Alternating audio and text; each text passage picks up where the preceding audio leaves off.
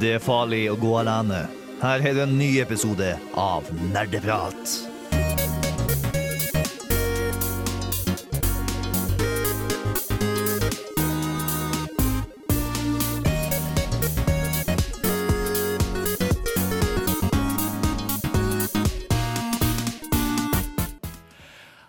Alle sammen, og velkommen tilbake til nok en ny episode av Nerdeprat. Woho, I dag er det faktisk farlig å gå alene, fordi vi skal snakke om Horde Shooters. Hordeskytespill i anledning av at Back for Blood nettopp har kommet ut. Mitt navn er Håkon, jeg er programleder, som jeg vanligvis er. Eh, med meg i studio så har vi Tai. På teknikk har vi Bård. Og vi har en gjest! Har du lyst til å introdusere deg selv? Ja. Jeg heter Viktor. Jeg er fra Blyforgiftning, som er metallprogrammet i Radio Rolt. Fra blyforgiftning. Eh, kjempekult. Eh, tusen takk for at du vil være her. Vi setter alltid pris på å ha noen fellow spillinteresserte nerder å Yeah. prate med. da. Det blir rått. Og vi skal, eh, vi skal få bli litt bedre kjent med deg etter vi har hørt en låt. Vi skal høre Kanan med Pink Riff først. Det er DJ MacLeod Banks. Du hører på Nerdeprat. God gaming. Det er god gaming alltid, uansett hva. Og nå skal vi snakke om hva vi har gjort siden sist, og kanskje gama siden sist. da. Eh, naturlig her starter vi med Viktor. Vi har lyst til å bli litt bedre kjent med deg. Ei. Ja, hva jeg har spilt, eller hva jeg har gjort? Både. Du kan, du kan ta litt av hvert. Okay, Det kuleste jeg har gjort um, denne uka her, det var å være på Viking Death Trap på tirsdag. Ja, det var Der møtte vi hverandre, i hvert fall. Ja. Det, det var krigestemning. Det var på- veldig, veldig gøy. Ja. Det var, jeg, tror, jeg har ikke vært så våt eh, på lenge. Nei. Eh, så det var faktisk utrolig gøy. Enig. Jeg hørte rykter om at du og Wilhelm, også fra blyforgiftning, løp hjem til dere for å ta dere en dusj før dere kom tilbake på selskapssiden. Oi, det er ikke sant. Ikke sant? Nei, jeg var bare ekkel. Ja, OK. Ja, men Men jeg dusja når jeg kom hjem, da. Ja. Ja, men det var Det var noen som dro hjem og dusja. Hvem var det? Jeg husker ikke hvem det var, men det var noen. Jeg, jeg husker det var en som sa sånn Jeg dro hjem og dusja. Men uh, uansett. Det var Jens, tror jeg. Ja, det kan hende. Ja. Nei, jo. Jens fra. Jens fra Postbluss-kollektivet var også deg. Nå blir det veldig mye internprat. Men poenget da var at der, eh, Vi- Viking Death Trap Det var en bra konsert. Det var jævlig gøy. Jævlig bra. Eh, siste jeg har spilt eh, Egentlig det siste jeg har spilt, er sånn jeg har hatt litt sånn backlog, da. Siden jeg Ja. egentlig ikke har spilt så mye det siste. Så jeg sånn, når jeg spiller, så går jeg gjennom litt Ikke gamle ting, men de tingene som kom ut for et par år siden, som jeg har hatt veldig lyst til å spille gjennom. Så det siste store var jo liksom um, Hades. Å ja. Og, um, og um, Norman Reedus with his Reedus fetus. fetus. Death Stranding. Death Stranding. Ja. Norman Reedus, Ja, OK. Ja. Ja, du, du, hadde Du likte Death Stranding, du gjorde du ikke? Jeg elska det spillet. Jeg syns det faktisk var utrolig bra. Det, det er jo sånn spill som er veldig stor splittelse rundt enten. Ja. Jeg føler Det er veldig mange som hater det, men så er det jo også veldig mange som liker det. Men Men, du, men jeg, jeg tror jeg liksom antok at det kommer til å bli en kultklassiker om noen år. Ja, og jeg så det- fortsatt ved det. Jeg tror det blir en kultklassiker. ja, Det, som- det, som er, det som er litt min svakhet med ting generelt, er jeg er veldig glad i ideer. Sånn konsepter. Det må ikke være så bra utført. Men hvis det er, en bra, hvis det er et bra konsept, og jeg på en måte kan se hva som er poenget, så er jeg veldig glad i det. ja, ja jeg, kan, jeg kan se den. Jeg kan, jeg, kan, jeg kan virkelig forstå det. Og Kojima er jo Han, han er en wack fyr. Så og, og det var definitivt en idé der. Det er ikke vanskelig, jeg, jeg kan ikke si jeg vet helt hva han prøvde på, men det er en idé der. Det, det er jo et nytt Stranding-game. Ja. Et Strand-type spill, som han kalte det. Ja, Det er eh, spennende. Men eh, har du noe annet du har lyst til å framheve? Ikke egentlig som jeg tenker på. Jeg hadde veldig lyst til å spille det der, The, The, The Forgotten City. Ja. Um, Det spilte jeg for uh, noen uker siden. Veldig, veldig bra. jeg har veldig veldig lyst til å spille det. Jeg tror det er liksom øverst på neste liste. liksom Mm, det, det Bård anbefalte det. Ja, jeg likte det veldig godt. Det var på salg oh, da jeg kjøpte det, så du gikk glipp av noe. ja. Ja, det er leit. Men da, da kan vi gå videre. Tai, hva har du gjort siden sist? Ja, eh, som vanlig så er jeg på Jeg hater meg selv-toget. Så da spilte jeg med Rust. Eh, og som var det, altså, For en gangs skyld så gikk det faktisk Det er, kjempebra. eh, dette er hver eneste uke, Tai. Er det noe du vet at dette er et safe space, ikke sant? Ja, det er et trygt område du kan fortelle hvis det, du, du går gjennom noe. Nei, ikke nødvendigvis på lufta, men til oss etterpå. Ja, ja, nei, En kjær venninne hørte på et par episoder og sa Tai, hvorfor hater du deg selv litt? jeg har ikke et godt svar, dessverre. Eh, men det gikk faktisk kjempebra, for en gangs skyld. Eh, vi ble ikke drept på stranda i to timer i strekk. Det syns jeg er en god start. Eh, men som vanlig, da så, Jeg veit ikke ass. Det er noe feil med meg. Eh, og som vanlig så sjekka vi ikke når serverne wipa, da. så vi, vi hadde bygd masse, vi hadde spart opp masse, vi jobba masse. Bare sånn Gutta, på mandag kjører vi. På mandag så tar det av. På mandag wipa det. Så da Men det, det her skjedde jo forrige uke også. Jeg veit jeg er faen meg dum, ass. Jeg, jeg har null forsvar, Bård. Men er det, er det ukentlig det skjer? Det varierer fra server til server. Og, og vi valgte jo å spille på en ukentlig, siden vi ikke hadde tenkt å spille så lenge. Så vi, så, men vi, had, vi gadd bare ikke se på hvilken dag den hadde wipa tidligere. Så bare sånn, fuck it, vi kjører, gutta. Så vi, vi hadde gjort oss så klare. Satt av hele kvelden, logget på serveren. Den er tom. Det er ikke en dritt der. Men hvordan klarer du å gjøre dette to uker på rad? Bård, jeg har som sagt null forsvar her.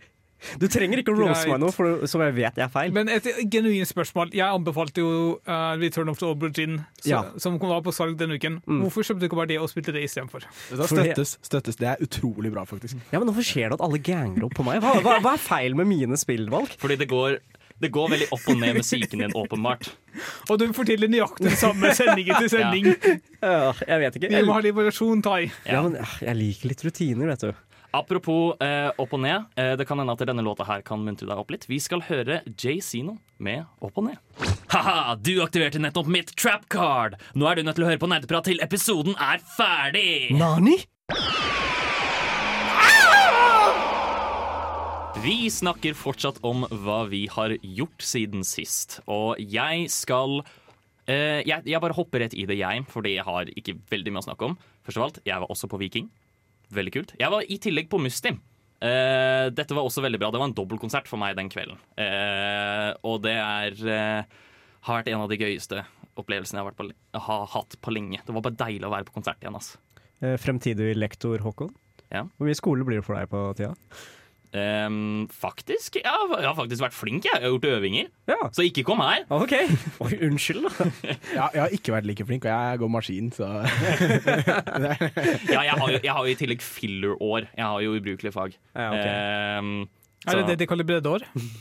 Nei, egentlig ikke. Nei. Det, eller de, de, de hevder at det her er så sykt viktig, men jeg kan jo alfa før. Okay, ja. Ja, men ubrukelige fag, tenker du som norsk, da? Og nordisk? Uh, ehm, Kanskje Håkon skal heller prate om hva han har gjort siden sist. ja, vet du hva, vi, vi, vi, jeg, jeg kan banke deg under låt i stedet. oi, oi. Um, men uh, av videospill så har jeg spilt Metroid Dread. Det skal vi snakke om senere. Og så har jeg spilt mer Super Monkey Ball. Det er ikke så mye mer å si om det, annet enn at det er veldig gøy. Jeg har også prøvd minigamesa, endelig. Um, noen av disse er liksom veldig nære og kjære for folk som har spilt en del Super Monkey Ball. Ehm, jeg, jeg liker veldig godt uh, Target Flight, tror jeg den heter. Som er at du, bare du ruller ned en rampe, og så skal du fly til en plattform. Uh, og så skal du på en måte Tenk deg dart, på en måte, men at du skal lande på plattformen. Det er kjempegøy, Uh, og det er akkurat sånn som det har vært tidligere. Så jeg har kost meg masse med Monkeyball. Bård, Jeg har spilt litt av hvert, som vanlig. Nytt av det, denne uka er at jeg har testa ut et spill som heter Supraland.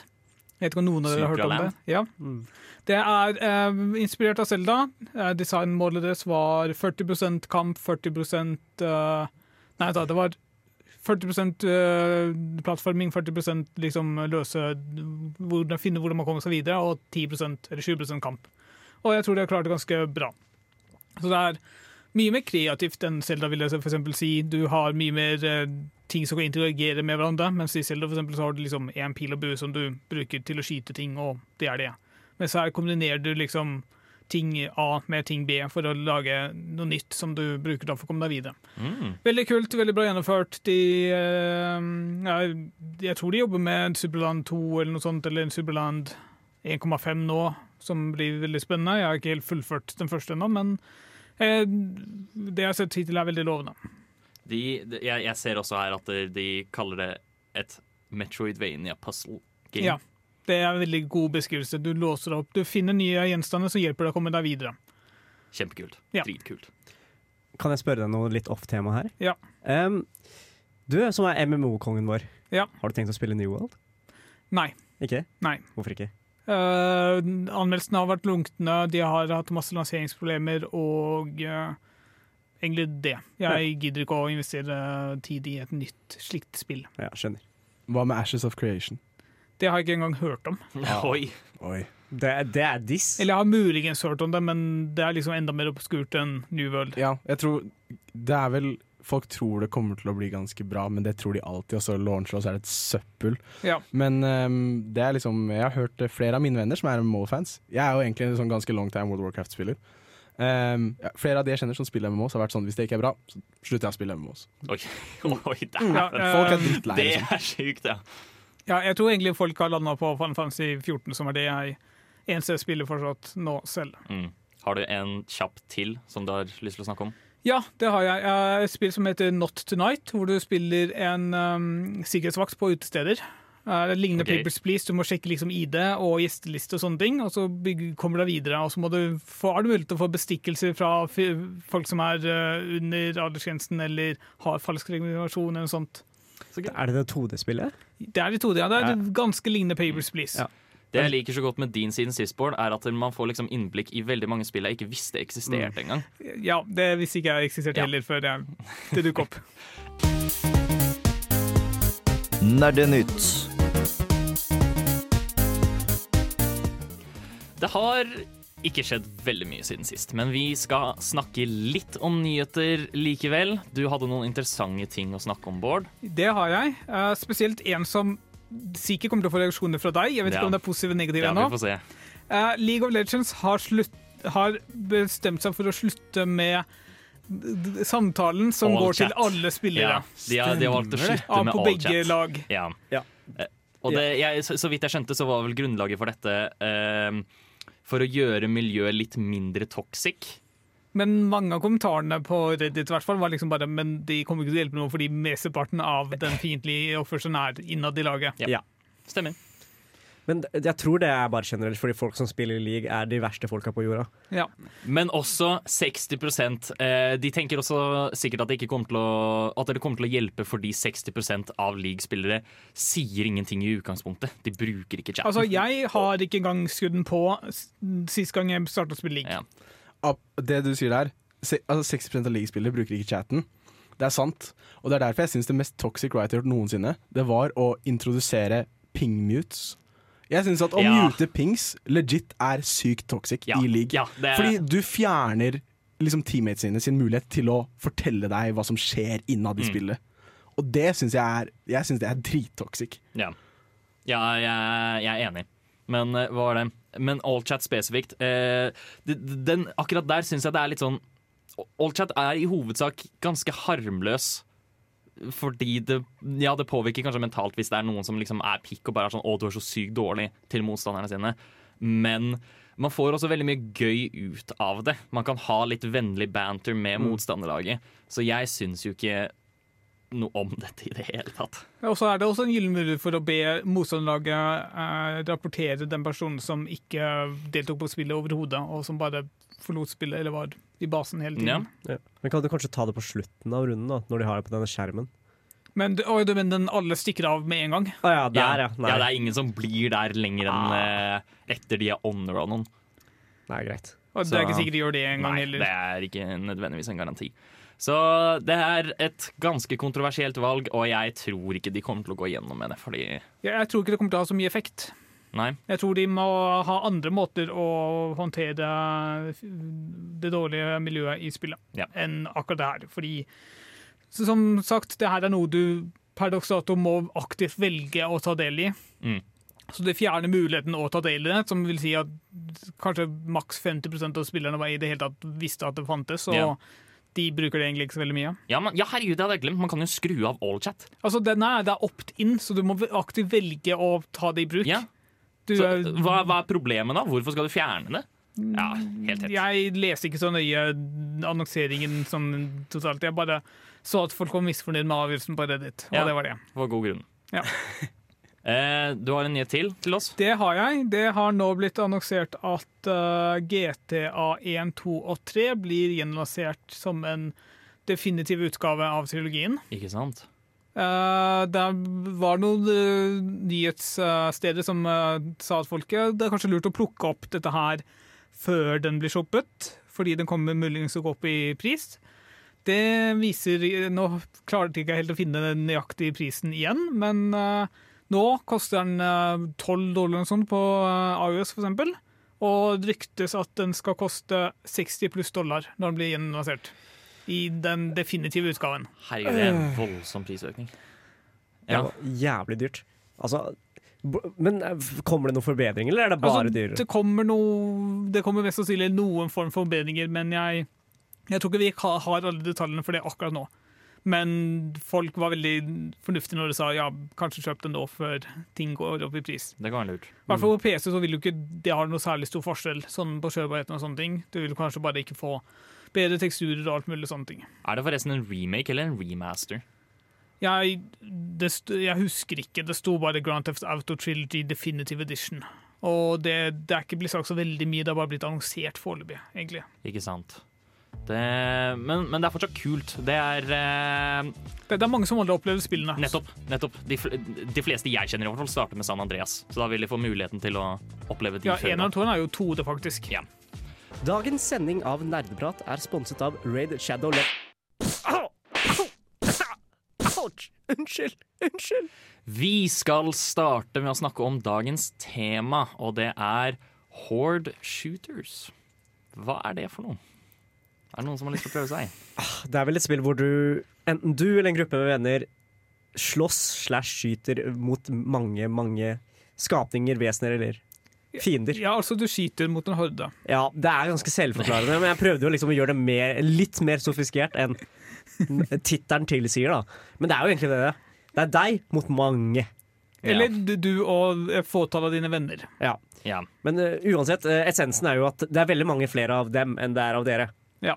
Mm. Og det, som gjerne så er de ganske ikke-intellektuelle. Det er ikke Ja. sånn at de har masse våpen og skyter deg selv. De er kanskje ikke har noe våpen i det hele tatt og bare kommer løpende mot Ja, deg for å prøve å bite deg eller slå deg ned. Ja. Mm.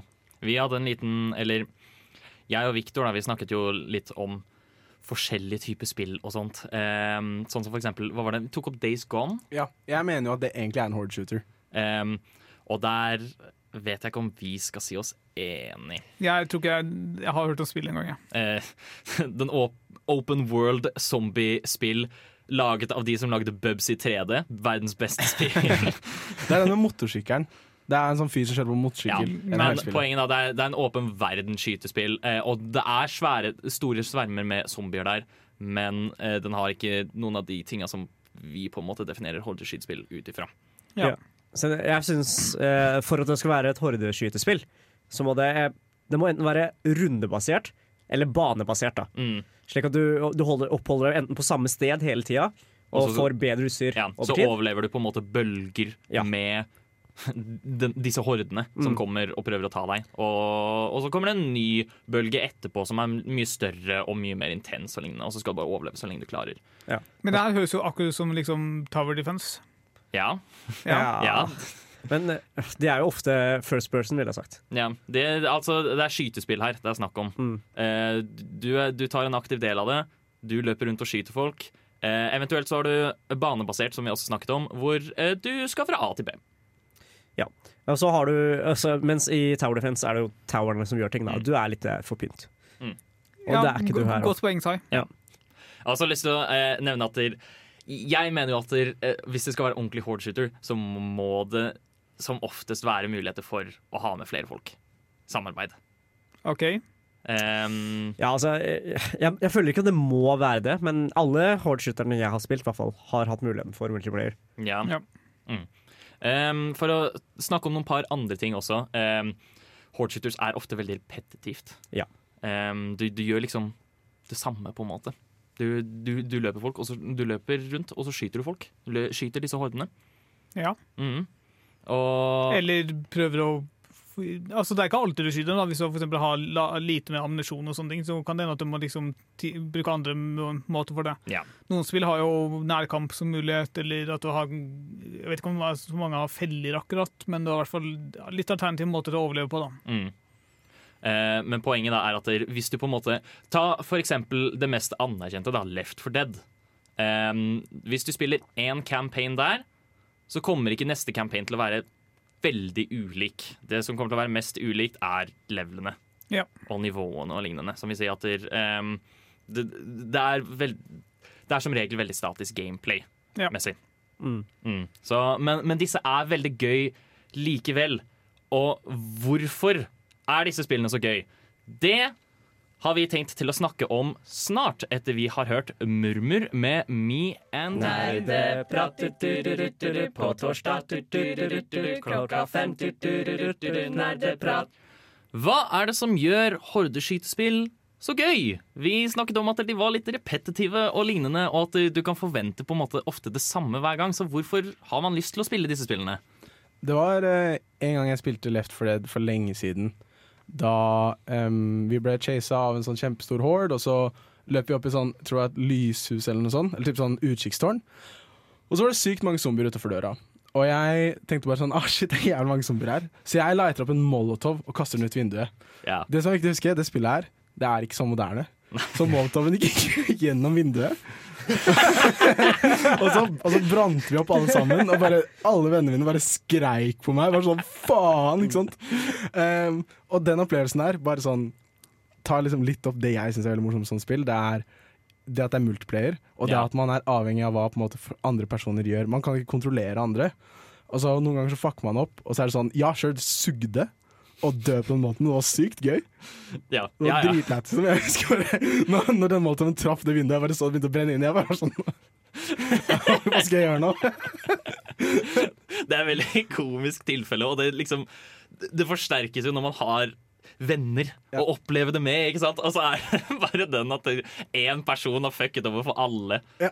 Det, det blir jo veldig gøy rundt det. Det, det er jo også um, en av de morsomste tinga jeg visste om da jeg spilte Left 4 Dead da jeg var mindre, var jo liksom å fucke over folk med bare kaste molotov på dem, revive dem, og så bare kaste en ny molotov på dem umiddelbart. Du er en jævla liten drittunge. jo. ja, ja, om jeg er Ja, men Det er jo sykt morsomt, fordi du har jo banter mens du spiller et spill som Left for red og så er det plutselig noen som sier noe. Du vet, sånn, vet du hva? Jeg skal skyte deg, og så skyter du, og så dør og så må du revive dem. Og så, er det sånn, og så er det bare sånn det lille øyeblikket hvor du bare ser på dem ligge på bakken liksom kryper bakover. Så bare de roper på deg gjennom headsetet ditt, og du bare sånn Jeg vet. ja. That's all me. Ah, så synes jeg, jeg bare slenger meg på Left for Dead-toget. Uh, witches i, i Left for Dead syns jeg var så komisk. ass. De er, okay, Witches er sånne små, creepy, veldig bleke jenter som ser ganske uskyldige ut. Eh, Så sitter de der i et hjørne og gråter, eller noe sånt. men hvis du kommer borti dem, så reiser de seg opp og så spurter de etter deg med sånne gigantiske knivhender og kutter opp trynet ditt for alt det er verdt. Og jeg ja, det er synes- de megatanky, da. ja, og de tåler så jævlig mye. Og jeg syns alltid det var så skummelt. Fordi alle, alle, alle var skikkelig god stemning og sånt. Og Ja. løp gjennom banen og bare Vi bare vraker folk, ikke sant? Og så kommer vi til Witch bare Hold kjeft! Hold kjeft! Slutt! Slutt! Hold kjeft! Jeg Der, det er det så jo gøy. også eh, den store gleden av co-op, hvor den ene personen fucker opp. ikke sant? Det er alltid en eller annen Ja. drittunge som greier å gå for nærme Witchen. Eller glemmer å skru av lommelykta.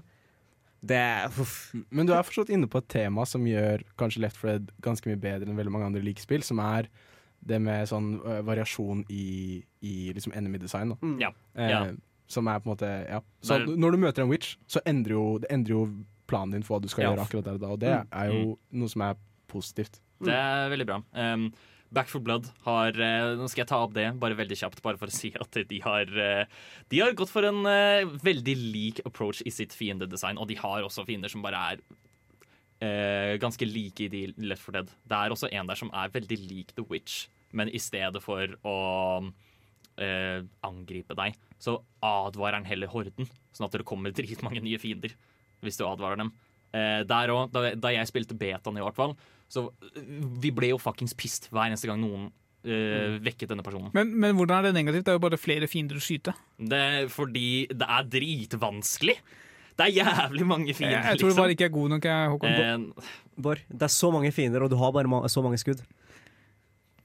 Ja, og og likevel så bruker du skuddet på å drepe hverandre. Hva, Ja, men det er verdt det. Ja, ja, ja, ja, ja, åpenbart. Altså, han fortjener 40 skudd i trynet hvis han sier hei. ja, Mm. Ok. Men eh, hva er det akkurat det? Det at det er vanskelig og sånt, eh, det, det tar meg over til en annen ting som jeg syns er veldig veldig eh, relevant for sånne typer skytespill, og det er at det, eh, det har veldig sånne rogelike-elementer til seg. Ja. Som vil si at der, eh, du, du bærer på en måte ingen evner over fra din forrige campaign, f.eks. Som vil si at der, hvis du skal gjennom, så må du selv bli god. Mm. Og det er, til, det er utrolig tilfredsstillende. Når Ja. du liksom når, La oss si det, den, deres, deres gjeng som nå har fucka rundt, kasta molotov på hverandre og sånt, men den ene gangen hvor alt går opp, ikke sant? Og dere bare knuser hele svermen og alt sånt der. Veldig tilfredsstillende. Det er en viss mestringsfølelse som følger med. Ja, nettopp. Så man, man, man, og man blir liksom bedre for hver gang man spiller. Da. Mm. Det er også noe med det å bare drepe masse masse fiender, som er også Ja, veldig tilfredsstillende. Plaue dem ned, liksom. Ja. Det er også derfor jeg til tider liker å spille sånn uh, Dynasty Warriors-type spill, som også bare er masse, masse fiender. Mm. Som du sjakter um, over en fla, lav sko. Mm. Det, er, eh, det er ganske det er ganske lett tilfredsstillelse, for man føler seg mektig, liksom. Ja, det er ikke spesielt vanskelig alltid heller. Altså, det er liksom varierende vanskelighetsgrad også i hordeskytespill, hvor du kan sette den på veldig lett eller Ja. veldig vanskelig. Vanskelighetsgraden eh, tar også opp et veldig annet aspekt uh, av eh, som jeg liker veldig godt, og det er stress. Ja. Veldig mye stress. Ja, fordi når La oss si, la oss si du vekker witchen, da, eller uh, kaller en ny horde, eller hva det er. Um, det, det- den følelsen av stress du får uh, idet du på en måte løper mot uh, utgangen og sånt, det er Ja. Mm. Det er vanskelig å Eller stresset du har når du lusker rundt i GTFO. Ja. Men, men jeg føler at det der hadde også Left 4 Dead et sånt genialt design som var at du kan, du kan lukke døra Mm. På slutten av mappet. Mm. Som er på en måte sånn Det er veldig veldig enkel design decision, men det har så stor effekt fordi du vet at der er døra. Jeg kan spurte litt og lukke den. Ja. Mm. Og du kan også lukke den uten å ta henhold til teammates sine. Um, her vil jeg også snakke om Back for Blood har også tatt en veldig interessant vinkling her. Um, I form av at det, det, du kan aktivere diverse bilalarmer uh, og lignende, som igjen advarer horden. Men hvorfor vil du det? Nei, altså det, Du gjør det jo med uhell, i så fall. Oh, sånn, ja. Eh, det er også kråker som lager masse lyd og lignende som er plassert rundt omkring. Men kan det brukes som liksom avledningsmanøver? Nei. Nei. De, da, da kommer de til ditt område, og så ser de deg. Ja, OK. Um, og, og da legger du til enda et stresselement å forholde deg til. Men du kan ikke liksom bare trigge det på avstand og bare gå bort dit istedenfor? Nei. Okay. Nei, det går ikke. det er synd. Um, så uh, det, det Ja. Left 4 Dead er i hvert fall det. Grunnen til at vi har snakket så jævlig mye om det nå, er jo fordi de har så sykt mange kule, smart, smarte eh, designvalg. Ja, Og de de var er jo på en måte benchmarket. Definitivt. Også fordi de var veldig tidlig ute. Så det kan oppsummeres med at vi liker disse spillene fordi det er gøy å fucke rundt med venner, det er jævlig stressende, og du får mestring av dem. Nå skal vi snakke om vanskelighetsgraden til spillene. Vi har nevnt at disse spillene er veldig vanskelig, men eh, Eller de kan ofte være vanskelige. Ja. Mm, fordi det er jo veldig intenst, og det er veldig mye som skjer på skjermen av gangen og sånt. Men de har også et par andre ting som gjør vanskelighetsgraden, eller vanskeligheten til disse spillene mer interessant, ikke sant? Ja, eh, nå drar vi opp eh, ja, det som nesten høres ut som vårt favoritt-hordeskytespill, eh, Left 4 Dead igjen. Eh, de har jo noe som heter The Director, som styrer vanskelighetsgraden til spillet. da. Eh, og det er egentlig bare en AI som tilpasser mengden ressurser som du får, med hvor bra dere gjør det i spillet. Så for eksempel eh, Hvis dere har masse ammo, masse våpen, masse heals, så får dere mindre av det senere. De fjerner liksom andre steder, slik at dere ikke kan heale opp bare fordi dere kan, og så plukke med seg neste Slik at dere får med dere neste pakke, da. Det er Eh, dynamisk vanskelighetsgrad. ja, dynamisk vanskelighetsgrad. Eh, og på samme måte så kan den også øke eh, fem, eh, mengden med fiender, eller fjerne mengden med fiender. Da. Spørs, over, spørs hvor bra du gjør det. Ja. Hvis du suger, så er spillet snill mot deg. Ja. Så eksempel, veldig, vi var veldig skuffa over oss selv når vi kom til en del hvor vi visste en tank pleier å spåne, men den spåna ikke. Vet du hva? Fordi dere var dårlige. Fordi vi var dårlige. Så skammen jeg følte da, det var, det var ubeskrivelig. Um, Ja. Så jeg syns egentlig det er en kjempegod ting å ha et, eh, et sånt hordespill. For det er ikke alltid ting utarter seg på samme måte. da Og det suger det liksom å spille et spill hvor du, hvor du skal skyte, men så har du ikke ammo. Ja, eh, jeg vil jo si at det er ikke alle spill hvor det er like naturlig hvor uh, vanskelig skal kanskje håndteres på en litt annen måte. Du har Killing Floor, hvor liksom du har forskjellige klasser, og alle klassene har et level. Og da kan du bli så, så sterke når du leveler opp og får tilgang til mer ferdighet ferdigheter og sånne ting. Ja. Nei, jeg er helt enig der. Men eh, akkurat Killing Floor er jo veldig spesiell, Fordi den følger jo Den er jo sånn Det blir en rogue light da, av vår definisjon, i og med at du kan, du kan gjøre deg sterkere mellom eh, runder.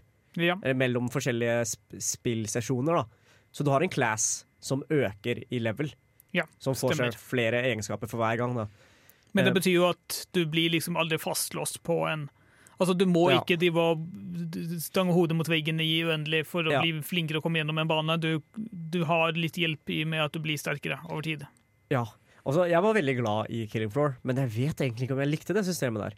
Fordi det På et eller annet punkt, når du for eksempel hitter level 5 av en eh, viss klasse, og du spiller på en easy, på en easy eller medium mode, da, som egentlig er der de fleste starter, da blir det altfor lett.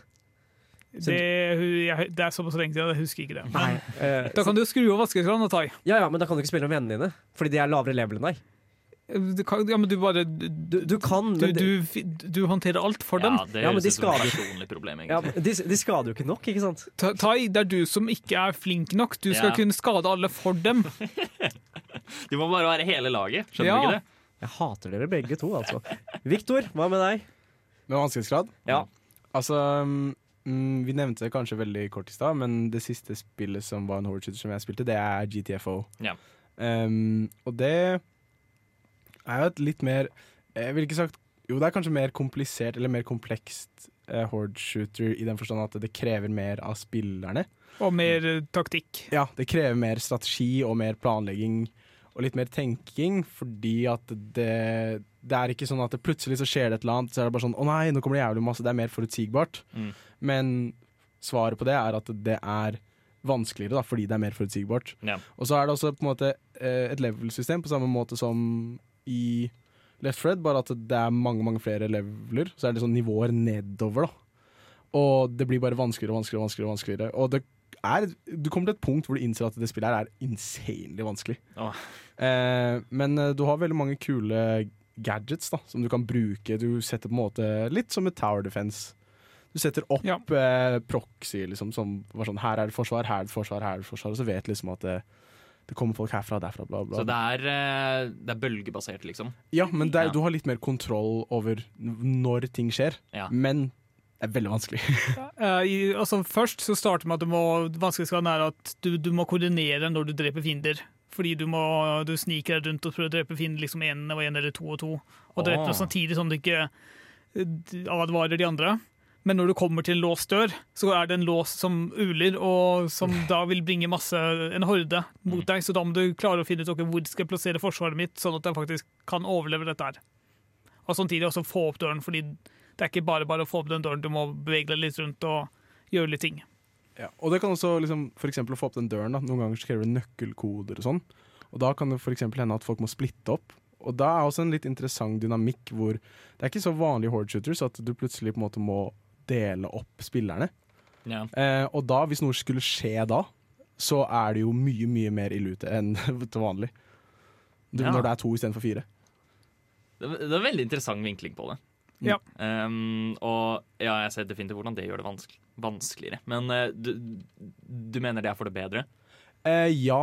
Um, det er veldig kult å vanskelig, ja. Det høres jo sånn ut. Ja, ja, men, ja, men det er jo på en måte noe som er veldig kult med å bruke eh, level design eh, til å gjøre spill vanskeligere Mm. på en sånn spesifikk måte. Som ikke bare på en måte enemy design og våpendesign og ammo og sånn, men også bare sånn selve level design i seg selv tvinger deg til å gjøre denne tingen, og denne tingen gjør det vanskeligere. Og så passer det veldig godt med liksom hvordan spillet er designet, fordi du, du er en person som kommer inn på en liksom høysikkerhetsavdeling hvor det er naturlig at dører åpnes med koder og Ja. konsoller og sånne ting. Mm.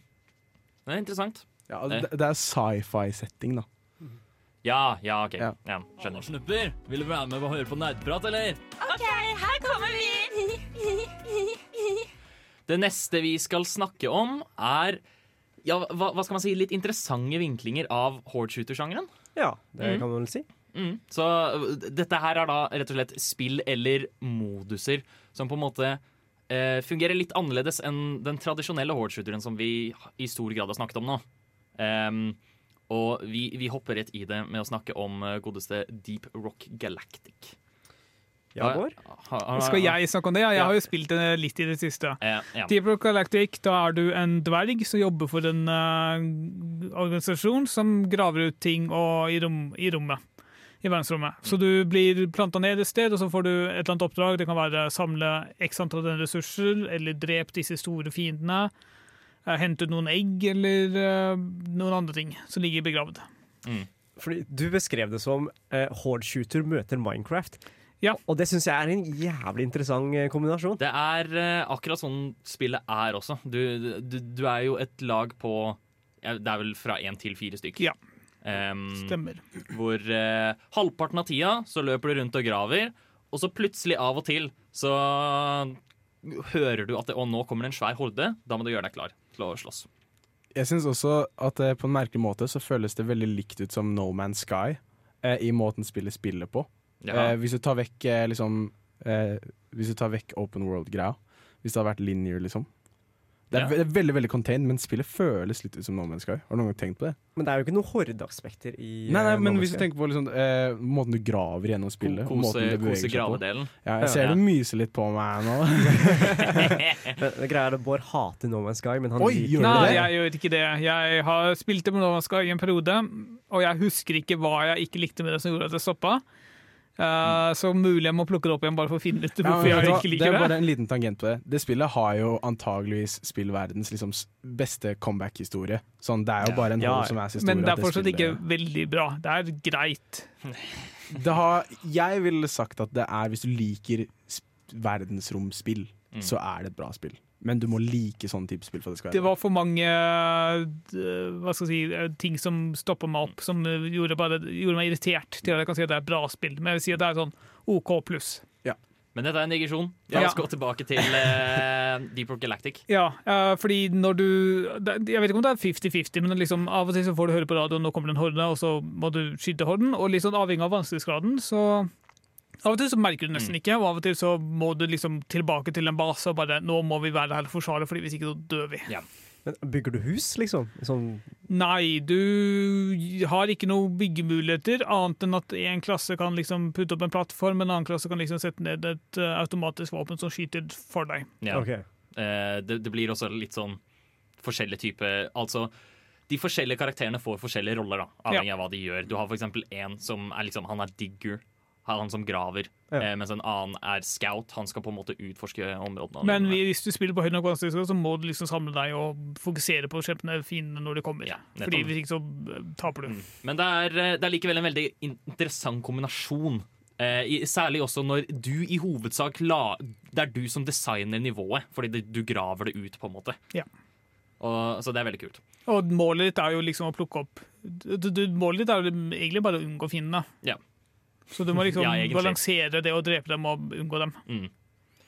Vi, vi har også lyst til å ta opp eh, Left for Dead nok en gang. Eller Back for Blood. Vi, vi kan kanskje ta Back for Blood sin. Um, Back for Blood har eh, en veldig unik versus mode, hvor du har fire spillere på hvert sitt lag. Og eh, hvor, den ene, hvor det ene laget styrer eh, de tradisjonelle karakterene som man spiller i vanlige campaigns, mens det andre styrer de, The Infected. De som er eh, Eller The, the Ridden, tror jeg det heter i Back for Blood. Men- Men er fire stykker en horde? Eh, ja, fordi det kommer fortsatt eh, svære horder okay, med zombier. ja. Eh, når du sier styrer du, mener du at de styrer dem i form av at sånn, det er sånn first person styrer dem, eller i at det er mer sånn overblikk styrer du dem? styrer dem vel i førsteperson, er jeg ganske sikker på. Ja, jeg, jeg, nå, nå, nå, nå ble jeg veldig usikker, men jeg spilte jo dette masse da Men- i beton. Men, men er, det også, er du sveklingszombier i tillegg til spesialzombiene, eller er det også Nei, men du kan kun- oppgradere sveklingszombiene sånn at de kommer i større horder og er sterkere. Okay. Men da Oppgraderer du deg selv, eller oppgraderer du alle zombiene rundt deg? Eh, både òg. Ja. Du, du bestemmer selv hva du velger å investere i. Men, men der er poenget at eh, de som er vanlige mennesker, de skal bare overleve så lenge de klarer. Og det er hele greia. Ja. Eh, og, så, og da vil zombiene prøve å drepe dem. På et tidspunkt så dør de. Og så bytter man etterpå, og da skal de prøve å overleve lenger enn dem igjen. OK. Så, så en, en utrolig merkelig på en måte vri på det. Der blir det jo eh, der, der tar det jo Back 4 Blood og Left for Dead er jo begge liksom kjent for eh, at det er mer banebasert, mens her så blir det bølgebasert. Så det er også umulig å vite hvor lang en runde varer. Ja, nettopp. Fordi ja, det var, hva var det? Jeg husker eh, vår aller første runde. Så overlevde vi i sånn 30 sekunder. eh, men det var jo fordi vi skjønte jo ikke eh, hva som var bra å gå på i levelene i det hele tatt. og sånt. Men eh, da, da vi kom til tredje runde, så varte vi sånn eh, fire minutter. Så, Ok, så, Men det er fortsatt ikke like som en halvtime. Nei, nei, det varer ikke så lenge. Nei. Men um, jeg fikk en tanke nå som jeg syns var litt interessant, som er Nå husker jeg ikke hva spillet heter, men dere husker det garantert når jeg beskriver det. Men det, det, er, det, det er det motsatte av en horde shooter. Det er det spillet hvor det var fire spillere, og så var det en sånn gigantisk sånn Evolve. monster- Evolve, ja. Yeah. Er ikke det på en måte sånn ja, Det er jo åpenbart ikke en horde shooter, for det en- det er én ting. Mm. Men det føles på en måte ut som at de har tenkt sånn der istedenfor veldig veldig mange fiender, så har vi en veldig veldig stor en som er Ja. veldig powerful. Og det, måten du beskriver det på nå, da, høres veldig likt Ja. ut. Ja, ja, ja. Ja, men det er jo det er jo hele sjangeren. Det blir en asymmetrisk shooter. Ja. Ja. Og det er, et, det er egentlig I seg selv så er det et veldig interessant uh, gamekonsept. Og spesielt når du kombinerer med hodeshooter. shooter. Jeg ser sammenligningen, fordi de har rett og slett bare snudd uh, hele greia på hodet. Ja. Um, og ja. Det, det er interessant, men det er ikke akkurat hard shooter. Men eh, likevel Likevel verdt å nevne, vil jeg si. Ikke folk med meg! Jeg har kraften til Gud og nerdepar på min side. Men hæ?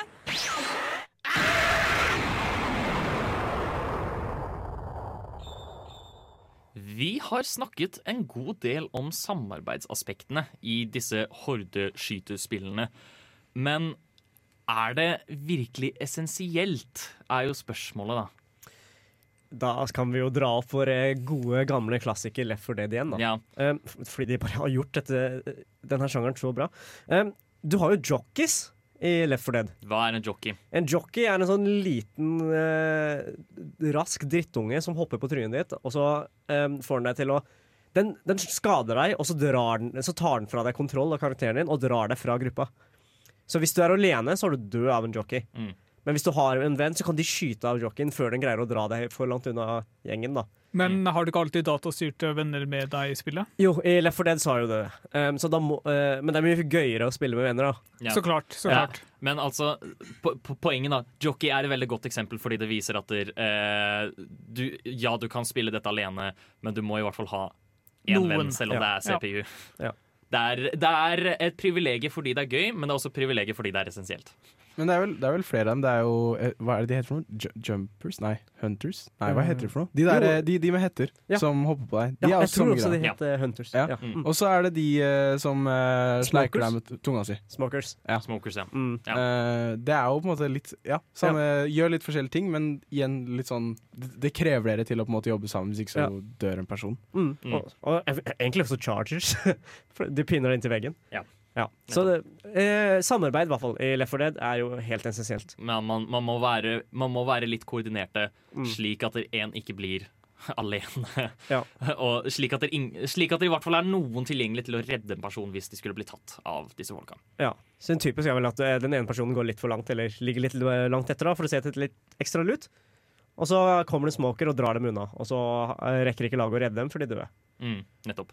Og da Det tvinger deg liksom til å være i en gruppe, da. I Deep Rock Galactic, da, som vi snakka om i stad, så er det jo litt mer um, Du blir kanskje litt mer tvunget til å samarbeide av at dere har definerte klasser som Ja. gjør forskjellige ting.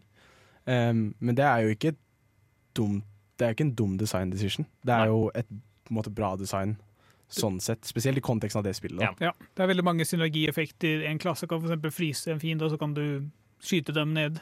Eller du har en klasse som kan gjøre det lettere å trasjere, og sånn at de andre klassene kan lettere komme seg fram til eh, målet og gjøre det de er gode på. Ja, så Vi har etablert tidligere at folk er drittunger, og det er veldig viktig å tvinge dem til å samarbeide. Ja, her eh, i Deep Rock Det å ha klasser og sånt gir jo hver eneste person en definert rolle. Som de, er, som de i hovedsak er nødt til å gjennomføre. Men vet du hva, bare for å kommentere på det, det med at folk er drittunger Det er veldig interessant med klassene i Deep Rock Galactic. At det er noe som er veldig gøy med hvor kraftig på en måte, klassen deres jobber sammen, som gjør at man på en måte Det, det er gøy å på en måte sørge for at man gjør de tingene som klassen din er god på. Fordi man, det er jo givende, på en måte. Ja, det, du er den eneste som kan gjøre det. Og da har du lyst til å hjelpe alle vennene dine med å komme fram istedenfor å være pikk og i veien. Ja, Håkon? Molotov Håkon? Ja, Um, I tillegg så er det jo veldig viktig i f.eks. GTFO, hvor man for å finne det man er på jakt etter i banen eller i den seksjonen, så er det som regel én person som må be gjenstanden identifisere seg på, ved å lage en lyd og liksom dukke opp i kart eller på skjermen, og så må da en, burde da en annen person faktisk gå rundt og lete etter den, fordi du kan ikke løpe fram og tilbake fra der du får den til å trigge deg, og der den faktisk er. Ja. I tillegg så er det ofte du må drepe fiender samtidig, eksempel. Altså faktisk helt samtidig, som gjør det essensielt å ha en eller flere personer å samarbeide med. At man er koordinert. Ja. Eh, så så, så uh, co-op-elementene i spillene legger rett og slett til spillopplevelsen. Ved at det faktisk blir uh, det, det blir mer interessant mekanisk, uh, og at man må jobbe sammen for å Ja, få alt til å gå opp. Men så i hvert fall med GTFO så kan du si det er en slags svakhet at ikke spi- Eller hvis du er, ikke har noen å spille det med, så er det jo definitivt, definitivt svakhet at du ikke kan oppleve dette her uten å ha liksom tre andre og faktisk ha noe særlig suksess. Ja. Så det er litt sånn dumt at spill ikke klarer å skalere så veldig bra med antall spillere, men man skjønner det når det er hvordan spillet er designet. da. Mm. Men det her er, da i hvert fall i starten så nevnte jeg jo at jeg syntes at co-op-aspektet er liksom en av de viktigere aspektene av hordeskytspill, og det her er jo nettopp grunnen. Hvorfor? Ja. Fordi det, det legger til så mye av spillopplevelsen. Ja, definitivt. Ja. Men jeg har én person på vennelista mi som har GTFO, så det hjelper ikke meg noe særlig. Kanskje vi alle får skape oss GTFO, da, så får vi get the fuck out sammen. Am I right? Hey. Jeg elsker deg, nerdeprat. Vi skal være sammen for alltid, hver torsdag på Radio Revolt. En annen ting som ofte forekommer i disse spillene, er rett og slett at valgfrihet i hvordan du ønsker å gå frem i å spille spillet. Ja, Om ikke annet så har, du- har alle spillene vel liksom valgfri våpen, i det minste. Ja, i det minste. Så hvis, eh, hvis eh, jeg for eksempel, jeg er en shotgun-person, jeg liker hagla, den, den føles mektig ut, så jeg vil alltid velge hagla. Ja. Eh, men, men for eksempel Tai. Jeg er sånn derre weeby. Weeb. Ja. Weebo. Weabo. Eh, jeg, jeg spilte jo Berserker i Killing Floor, og alt gikk for Katana. Fordi jeg kan, Gikk alltid bitches! for katana. Ja, Ja, ja. ja. vet du hva, det er faktisk eh, enda mer manlig. Men Ja. altså, jeg syns jeg, jeg skjønner på en måte ideen med sverd, men jeg har aldri skjønt katana. Hvis det var en zombieapokalypse og jeg skulle drepe noen med sverd, jeg hadde legit skaffa meg typ sånn, typ sånn eh, 1500-talls europeisk stort sverd, og så rustning. Så, bare tenk De kan jo ikke bite Ja, de da, kan liksom. ikke bite gjennom rustningen! Det er genialt! Men de kan bare liksom vippe den av deg, og så Nei, nei, nei. nei. Nei da, det får de ikke til. Det får de ikke til. Ja, ja. Det er bare rane et museum, liksom. Ja, det første håpet du det. gjør, er å rane et museum. Ja. Eh, men det er i hvert fall eh, valgfrihet i hvilke våpner du går fram med. Men det er også enkelte spill som på en måte går litt lenger enn det. Um, vi har jo allerede nevnt Deep Rock Galactic, som har diverse klasser og lignende. Det er jo flere spill som har dette. Ja, uh, spesielt de, eller bare for å fort nevne Deep Rock Galactic. Da jeg spilte det sist, så var det liksom en sted hvor jeg bare OK, la oss gå for raskest mulig uh, uthenting av ressurser, og bare drite i liksom hvor gode vi er til kamp. Så da valgte liksom alle de som var veldig navigerbare og Ja. kan bare gjøre ting kjapt. Og så det, jeg husker ikke helt om det faktisk fungerte, eller vi måtte gå tilbake til de som hadde litt mer kampferdighet, men det er en mulighet da, i hvert fall å bare stacke den formen for styrke. Hvis jeg kan komme med et em, interessant forslag eh, når det kommer til snakk om klasser og synergier og på en måte hva du kan gjøre sånn. Eh, det er ikke nødvendigvis en hordeshooter, men det kan være det. Eh, Payday. Oi. Der er det jo veldig mye valgfrihet i hvordan du kan spille spillet. Ja. Men jeg ville ikke kalt det en hordeshooter. Nei. Det er litt uh, Politiet er vel aldri Mm. så mange at de faktisk uh, virker som horde, og Mm. de kan skyte på deg, som gjør det litt plutselig mye vanskeligere. Ja. Men det fins Jeg tror det finnes horde shooter modes i Payday.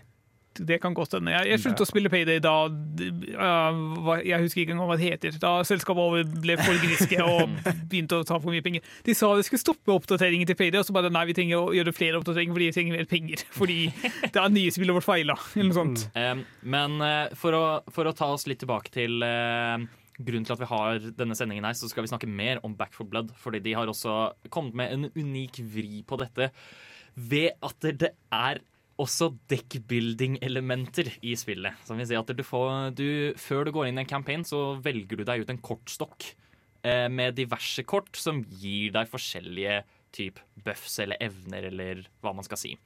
Eh, et kort kan f.eks. gjøre at mailen din blir en combat knife. En annen kan gjøre at du healer folk raskere. En annen kan gjøre at du har mer liv generelt og lignende.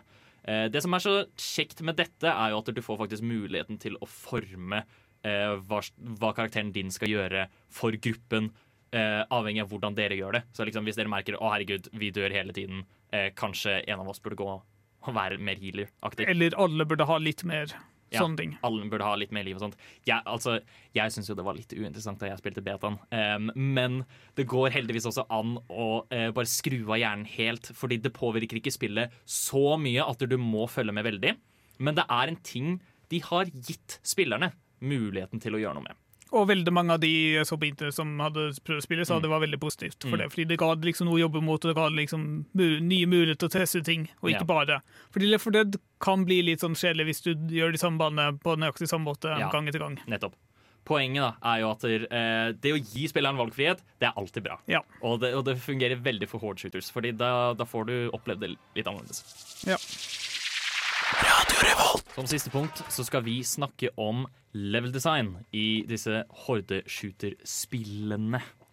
Er det noen som har lyst til å starte? Hva, hva, hva gjør godt eh, level design i, i, i denne type spill? Altså, jeg må jo egentlig ta opp COD. Det er helt sykt at vi har snakka så lenge uten å ta, med, ta opp COD Zombies. Cod Zombies. Ja. Mm. Jeg, alle vet hva COD er. Jeg bare antar at alle vet hva COD er. Um, så i COD Zombies så spiller du mot zombies istedenfor. Så er det om å overleve runder hver eneste gang. Uh, uh, som blir ja, mer, og, mer og mer vanskelig, da. Um, ban den mest ikoniske banen i COD Zombies er egentlig Kino de Toten. Tilbake Ja. i Var det Modern Warfare 2?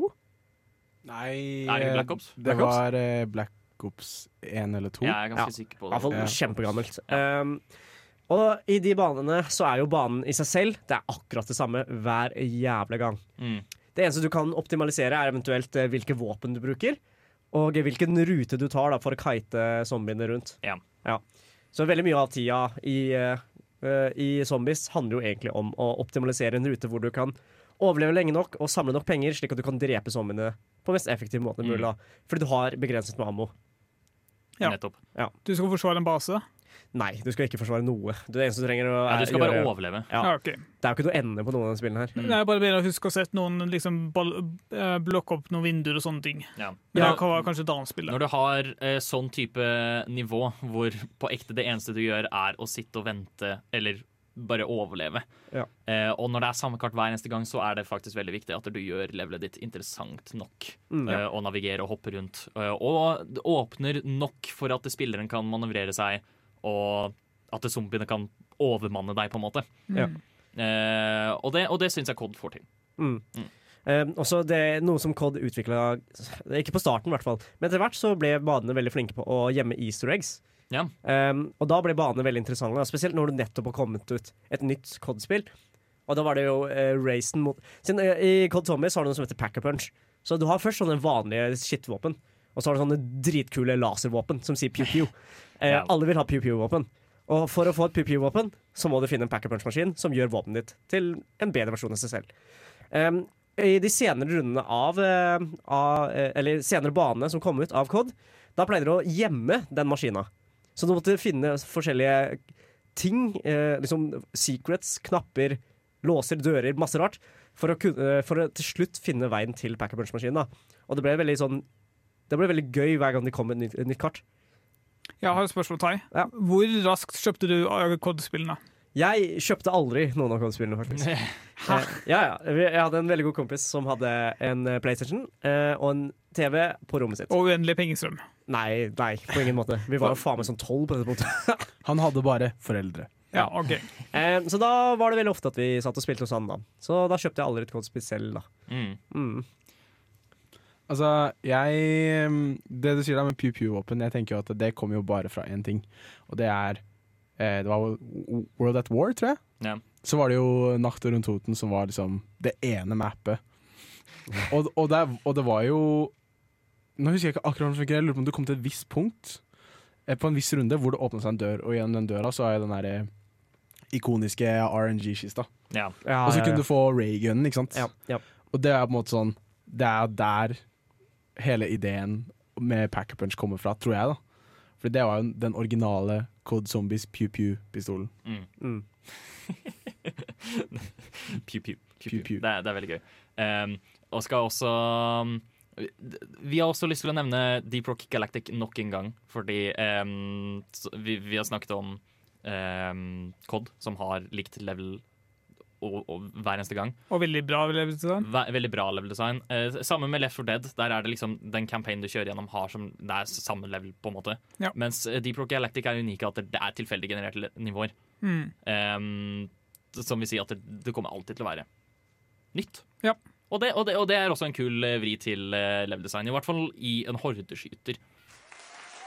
Du får en remake, og du får en remake, og du får en remake. Alle får en remake. Det er ikke akkurat en remake vi skal snakke om nå, men det er en veldig veldig etterlengtet oppfølger til eh, en spillsjanger som vi ikke har sett på en ganske god stund. Forrige fredag kom endelig Metroid Dread ut. Jeg har spilt det helt enormt mye, og jeg har derfor også laget en anmeldelse til dette, som dere skal få høre nå. Radio Revolt. Metroid er endelig tilbake. Ende fuckings Lee! Det er hele 19 år siden Metroid Fusion, det siste spillet i mainline Metroid-spillene. Altså 19 år siden forrige originale spill! Så jævlig lenge! De fleste av fans var redde for at serien skulle dø, da Metroid 2-remaken, Samus Returns, ikke gjorde det veldig bra. Og det er jo flere åpenbare grunner for dette, blant annet at de lanserte spillet på en døende konsoll. Men det er langt ifra en skjebne denne legendariske spillserien fortjener. Men det var heldigvis ikke slik denne historien endte. Og takk Gud for det. Fordi Metroid Dread er det beste Metroid har kommet med siden Zero Mission, med noe av det mest intuitive level-designet jeg har sett i en Metroidvania på flere år. Jeg skal ikke snakke så mye om handlingen i denne anmeldelsen. Det eneste jeg har tenkt til å si om den, er at den er litt skuffende. Den kommer med en del interessante plot points, men klarer ikke helt å følge opp på noen av dem. Den gir altså ikke en svært god konklusjon til Metroid-sagaen, men jeg gir litt faen, fordi det er ikke så viktig for meg, helt ærlig, og det er derfor jeg ikke skal snakke så mye om det. Men nå skal vi til juicen. Og vi må naturligvis starte med level-designet, det absolutt viktigste for et Metroid-spill. Og selv om det ikke er like sammenkoblet som i Super eller Zero Mission, så er det ekstremt intuitivt, og det er vanskelig å rote seg bort til tross for hvor enormt og kompleks kartet faktisk er. Når du får en evne, så krever ofte spillet at du skal tilbake til et tidligere område for å utforske der med denne nye evnen. Og ni av ti ganger tilbyr spillet deg en ganske lettvint måte å komme deg tilbake til nettopp dette området. Dette betyr ikke at veien videre er ekstremt åpenbar, eller at det går utover utforskningsaspektet til spillet, da du er nødt til å trekke disse koblingene selv. Du er nødt til å være observant. Det eneste det betyr, er altså at spillet har gjort veien videre synlig, slik at man konstant får en følelse av progresjon. Man treffer sjelden en roadblock, med andre ord, noe som er utrolig viktig for et Metroidvania. Kompleksiteten til kartet gir også den utrolig deilige friheten av utforskning som vi alle spiller Metroid for. Det neste som må nevnes, er Dread sin stikk, som er Emmiene. Disse er knuselige maskiner som du ikke kan gjøre noe annet enn å løpe fra. Og hvis de klarer å ta deg, så er du død. Du får umiddelbart game over. Det er syv av dem totalt, og de er dedikert til egne soner på kartet, men disse sonene er store, og du er derfor nødt til å forholde deg til dem ganske ofte. Og disse er så utrolig skumle. Jeg følte meg hjelpeløs i møte med dem, da de kan høre deg fra nokså langt unna, og de er utrolig smarte maskiner som reagerer og beveger seg smart i forhold til hvor du selv går. Det er vanskelig å cheese dem, med andre ord, noe som er viktig for å fremme hvor stor trussel de faktisk er. Du får etter hvert evner som lar deg unngå dem lettere, men du møter også farligere emmier jo lenger inn i spillet du kommer, så det ble aldri kjedelig, og jeg var alltid veldig stressa før jeg skulle gå inn i en emmy-sone. Kontroll over Samus er også ekstremt viktig for denne serien. Det kompliserte kartet blir umiddelbart mye mer gøy å navigere ettersom Samus er gøy å navigere med. Og her har de gjort en utrolig god jobb.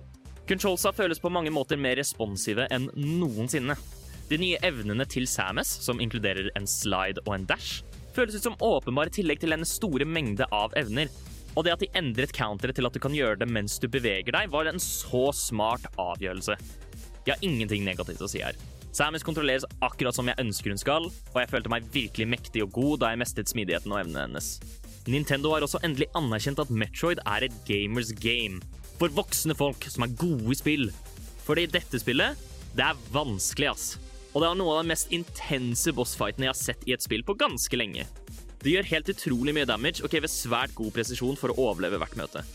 Og jeg liker dette veldig godt, til tross for at jeg kanskje ble litt frustrert til tider. Fordi det holdt meg på kanten av setet mitt konstant, og det ga meg utrolig mye tilfredsstillelse når jeg først klarte det.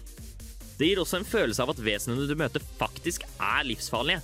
Noe man ikke alltid får av tidligere Metroid-spill som er mye lettere enn det her. For de av dere som har hørt på Nerdeprat før, så er det ikke akkurat nytt at jeg liker når ting er litt vanskelig, at man må jobbe for det. Men det passer veldig godt tematisk at denne planeten er livsfarlig, og at du dør av og til. Det er også veldig mye annet jeg kan trekke frem, men jeg har lyst til å avslutte med å snakke om atmosfæren og musikken, for jeg mener dette er minst like viktig for Metroid som level-designet. Tidligere Metroid-spill har et stort fokus på følelsen av at du er strandet og isolert. Dette reflekteres av musikken, som er veldig mystisk og minimalistisk for å reflektere hvor ukjent alt er.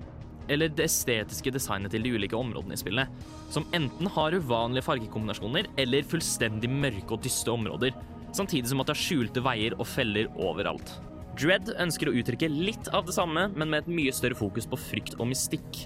Og selv om jeg er en stor fan av Dread sitt lydspor, og i hvert fall mye av bossmusikken som har utrolig hektisk komposisjon, så føler jeg ikke at spillet helt klarer å uttrykke den følelsen av frykt like godt som Fusion gjorde med sitt lydspor. Det er et par gode låter her, med andre ord, men det mangler et eller annet for å virkelig sette atmosfæren. Det samme gjelder områdenes estetiske design. Planeten føles levende ut, og fra tematisk standpunkt er den utrolig godt gjennomført. Hvert område føles unikt, de er ofte spennende visuelt, og enkelte soner påvirker hverandre, som gir perspektiv for hvordan planetens maskineri er satt sammen. Og dette er veldig kult, men de klarer ikke helt å sette den atmosfæren spillet virkelig ønsker å sette. Og det var kun i Emmy-sonene hvor jeg virkelig følte følelsen av frykt. Potensialet var stort, og de gjennomførte det bra, men ikke perfekt. For å oppsummere så lever Metroid Dread uten tvil opp til forventningene, til tross for et par atmosfæreproblemer. Kartet er gøy å utforske og godt designet. Emmyene føles ut som ekte trusler. Sams har aldri vært så tilfredsstillende å kontrollere, og bossene gir et rush på lik linje som i Dark Souls eller Doom. Dette er uten tvil det beste Metroidvania-spillet jeg har spilt siden Hollow Knight. Jeg ble jævlig frustrert av å tenke på at vi kunne hatt dette allerede i 2005, men jeg klarer ikke å føle noe annet enn kjærlighet for hvor bra dette spillet er. Det var 19 lange år, men faen, det var verdt det, ass.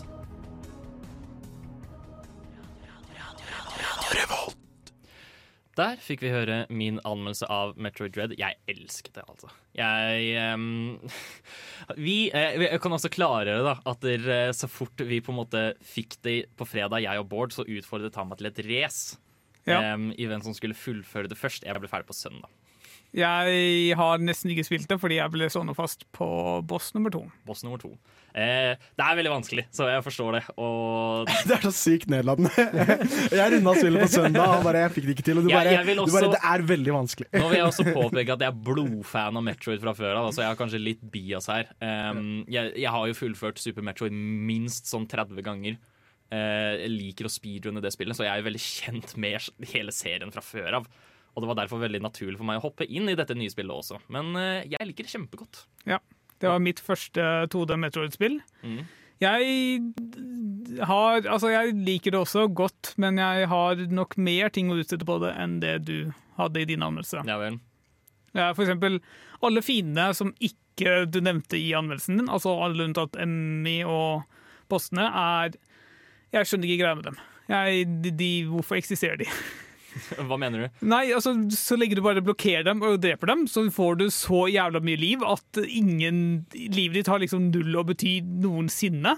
Det er liksom, og livet har, ditt har ikke noe å bety, fordi du blir tatt med en gang av em, Hva heter den? Em, Emmy. Emmy. Eh, men altså, hva er det de små fiendenes funksjon er jo rett og slett bare for å være i veien. Ja, men, Det er ikke noe verre. Ja, men jeg, jeg bare skjønner ikke hvorfor, hvorfor skal ting Ting er jo ikke vanskelig når du kan drepe en fiende og plutselig ha fullt liv igjen, selv om du tok tre skudd. Men, men, men Metroid sine vanlige fiender har aldri hatt som fokus å være vanskelig. De skal bare være i veien, og de skal på en måte uh, være irriterende. Fordi Metroid handler om å gå jævlig fort. Men de er jo ikke irriterende engang, de, bare, de gir deg masse liv. De er liksom en krykke å støtte, støtte deg på. Det er, det er mer sånn at Hvis du stopper og skal countere hver eneste fiende, så kommer det til å bli ganske kjedelig ganske fort. Ja. Ja, Ja. Så, så derfor finner du heller andre måter du kan unngå dem på, og der kommer utfordringen. Ja. Fordi Plutselig så krasjer de inn i deg, og så blir du knocka vekk og så blir du irritert fordi du ble tatt av han. Ja, og så Den vant. dreper du én fiende, og så har du på fullt liv igjen. Ja ja, men det har Det er ikke så viktig, Bård. Nei, greit. Det, på Poenget er utforskningen og navigeringen og det å hoppe rundt omkring. Apropos, jeg likte overhodet ikke hvordan du ble dyttet i en retning relativt tidlig i spillet. Jeg prøvde, jeg slet med å finne veien fordi veien videre var skjult bak en uh, ting du må skyte i sykkel for å komme deg videre. Så jeg bare lette etter okay, hvor kan jeg gå, og så bare Vent, her kan jeg ikke gå videre, fordi her er det kommet en ny ting som bare blokkerer hele veien. Og nei, her kan jeg ikke gå fordi den lille hullet er én centimeter over bakken, så derfor så klart kan jeg ikke bare krype opp dit og gå igjennom. Nei. Dette er klassisk Metroid moment, men uh, spillet forteller deg også i starten at du må skyte blokker. Det, Ja, jeg, jeg, jeg vet det, ja. men jeg, bare, jeg forventet å! Jeg forventet at det skulle være for hemmeligheter, og ikke for liksom, Nei, nei, nei, faktisk alt. progresjon. Alt. Ja. Eh, de, de gjør det ofte, så det må du bare venne deg til. Ja. Men det største jeg har ruset på det spillet, er at jeg, synes uh, spillvennen har kommet seg litt forbi bosser som kan, kun kan angripes på et bitte lite sted på kroppen sin, fordi, ja Spesielt når den bossen spyr ut masse forskjellige ting som gjør det vanskelig å skyte dem. Ja, men dette er eh, Det skal sies at den bossen det er snakk om, det er Kraid, eh, som er en klassisk Metroid-boss, og det er måten du alltid har måttet skade ham på. Jo, så men de sånn- gjør jo det sånn som det vanligvis er, ikke sant? Men sånn generelt, jeg likte bedre i Hollow Knight hvor du bare måtte bare time et angrep, og det kunne liksom være hvor som helst du traff en fiende med, men, og at du ikke måtte bare Jeg må treffe nøyaktig på storetåa til personen, og da blir den sårbar på kneet, så da må jeg skyte han i kneet for å gjøre bitte litt skade, men så varer sårbarheten bare i tre sekunder, så da må du skyte den stortåa igjen. Ja, men nå, nå Jeg syns jo du overdriver litt. grann. For jeg som aldri har spilt Metroid før, så syns jeg det var litt uh, Det nådde ikke helt opp. Bård, get good. Ja, get good. Sier du som ikke engang forsøker å prøve på spille Men eh, det er i hvert fall eh, For de som er glad i Metroid-serien, da, i hvert fall, så er dette her per, liksom akkurat det vi hadde håpet på. Og derfor er det veldig flott. Ville du anbefalt det som første Metroidvania-spill? Det ville jeg. Eh, hvis du klarer å se bort ifra at det er helt psyko vanskelig, så ville jeg anbefalt dette som et av de første. Fordi det er, eh, det er så intuitivt level design, liksom. Så det er et veldig bra sted å hoppe inn i. jeg liker egentlig veldig godt å jazze med gutta. Det er jo så gøy. Ja, spesielt med nerdeprat. Nerdeprat er så koselig å jazze med. Ja, ja, jeg er helt enig i det. Ja, ja altså, de burde jo egentlig hett Jazzeprat, de. Du hører på Jazzeprat. Hjertelig velkommen til Jazzeprat. Vi er kun jazzeprat for denne spalten her, hvor vi egentlig bare jazzer om akkurat det vi har lyst til. Fordi vi, føler for det, egentlig.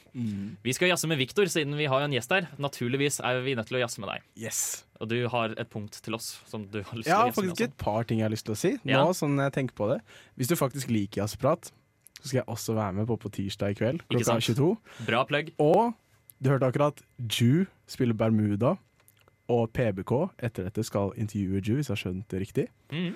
Så hvis du liker det, hør på PBK. Det er bra. Intervjuet. Det vi skal jazze om, siden du hadde så veldig lyst, Ja, ja. er Star Citizen. Ja. Skal, skal, du, skal du røpe skammen din til verden nå? Kan ikke nå? du røpe hvorfor du har så utrolig lyst til at jeg skal forta fortelle om Star Citizen? Ja, så, så mellom stikkene så, så er det noen her som røpte kanskje smått. da. Eh, hvor mye så du du brukte på et skip i Star Citizen? Til å begynne med så kjøpte jeg et av de vanlige skipene til sånn 600 kroner. Dette, det til sånn 600 kroner. Spill, ok, Baseline-spillet er gratis. Hele universet er gratis når man betaler for skipene. ok? Mm. Um, men når du på en måte lærer hvordan spillet funker, hvordan du kan opptjene ressurser, hva du kan gjøre for å tjene credit, ikke sant? Uh, space coins, så um, innser du at um, Shit, ass, de billigskipene her, de suger. så jeg kjøpte et av de billigere skipene, som kosta mm, et eller annet sted mellom 1200 og 1300 kroner. Du, du, du, du, når du sier billig, så mener du egentlig dyrere enn de 600 kronene du Ja, først. ja, men i, i, i spekteret av hva disse skipene her kan koste, så er det relativt billig. Så hva var det originale skipet ditt? Er det da ikke-eksisterende pris, liksom? Det originale skipet mitt, som jeg hadde, det Ja. første, det kosta, tror lurer på det kosta 600 kroner. Ja, Så de er da billigere enn billigere. Ja, Men det som er kult, da, faktisk, bare for å gi dem litt creds for det Hvis du kjøper et skip, så kan du eh, basically, du kan scrappe det, og så får du eh, pengene Altså, du får ikke pengene tilbake, men, men de 600 kronene De blir slått av det du bruker på å kjøpe det neste skipet. Hvis du scrapper okay. skipet Ok, Så du ja. kan bygge deg opp over mer tid, men du bruker fortsatt mye penger. Ja. Men, men jeg vet at du har veldig lyst til å vite det her. Så du, du, det, du har noen veldig veldig dyre skip i det spillet. her Sånn Ordentlig dyre skip kommer opp i sånn 3000-8000 dollar. Dollar! dollar. dollar. Men hør her nå, hør her nå, ok? Hvis du bruker over en viss mengde penger, så får du tilgang til noe som kalles concierge packages. Og det er her du kan kjøpe de ordentlig dyre tingene. Det er noe du bare får tilgang til når du har brukt nok penger til at din merker at okay, det her er en person som supporter spillet. Support Og der har du noe som kalles en Legatus Pack, som inneholder alle skipene de har utvikla til nå. Er det noen som har lyst til å gjette hvor mye den pakka koster? 30 000 dollar. Du bomma med 5000. 35 000 dollar. Holy shit, hva i helvete? Du, og, og det finnes mennesker som har dokumentert på Reddit at de har kjøpt det her. eh, som er helt sinnssykt. Det er så voldsomt mye. Det Det er helt insane mye. Men du sier alle skipene til nå, så hvis det kommer et nytt skip, må du Jeg kjøpe det i tillegg? Vet ikke. Ikke spør. Jeg, tror, jeg regner ikke med det. Men ikke sant? Jeg vet at det, det, jeg er fortsatt dum som brukte 1200 kroner på det, men jeg høres ikke like dum ut når jeg forteller på den måten. men, men det er et bra spill. Jeg liker personlig hvordan det føles ut å spille det. Det er gøy. Og bare de consistent updates som er bra og bare blir bedre. Det er liksom noe gøy da med å bare holde på i verdensrommet. Og, og en jevn pengestrøm til dem. Null forsvar. Utrolig gøy. Takk for jazzeinnslag, Viktor. Ohayo, minisan, konnichiwa. Du hører på Nerdeprat, nja-nja. På Radio Revolt, desne. Uvu. Du gjør det, men dessverre ikke for så mye lenger. Vi er ferdig for i dag. Eh, vi har snakket om hordeskytespill, eh, hva som gjør det kult, hva som gjør det gøy. Eh, vi liker å kaste molotover på hverandre, er det å ta ut av hele praten. Og så hørte vi en liten anmeldelse, og vi har jazzet litt. grann. Det har vært en ganske fullkommen sending, vil jeg si. Ja. Um, som siste tips før vi drar eh, Så nå har vi allerede fått et par musikktips fra Viktor, men vi har enda mer. Fordi på søndag så skal eh, musikkredaksjonen i Radio Revolt ha eh, utesending på klubben med ukesenderen. Det er meg. Det er, det er deg, ja. Du skal være med. Du skal være med på det. Hvor dere skal diskutere lyden av uka. Ja, vi skal snakke med de som har booka uka. Ja. Eller jeg vet ikke om det er Jeg tror det er tidligere bookere, kanskje noen fra i år. Og høre litt sånn mm, Hva er det som går inn i å booke en artist? Utfordringer? Hva er det som går til helvete? Sånne ting. Ja. Det blir gøy. Det høres veldig spennende ut. Så gå og sjekk ut det på søndag. Det var alt vi hadde for i dag. Her får dere Wet Leg med Wet Dream. Ha det bra. Du har lyttet til en podkast på Radio Revolt, studentradioen i Trondheim. Sjekk ut flere programmer på radiorevolt.no.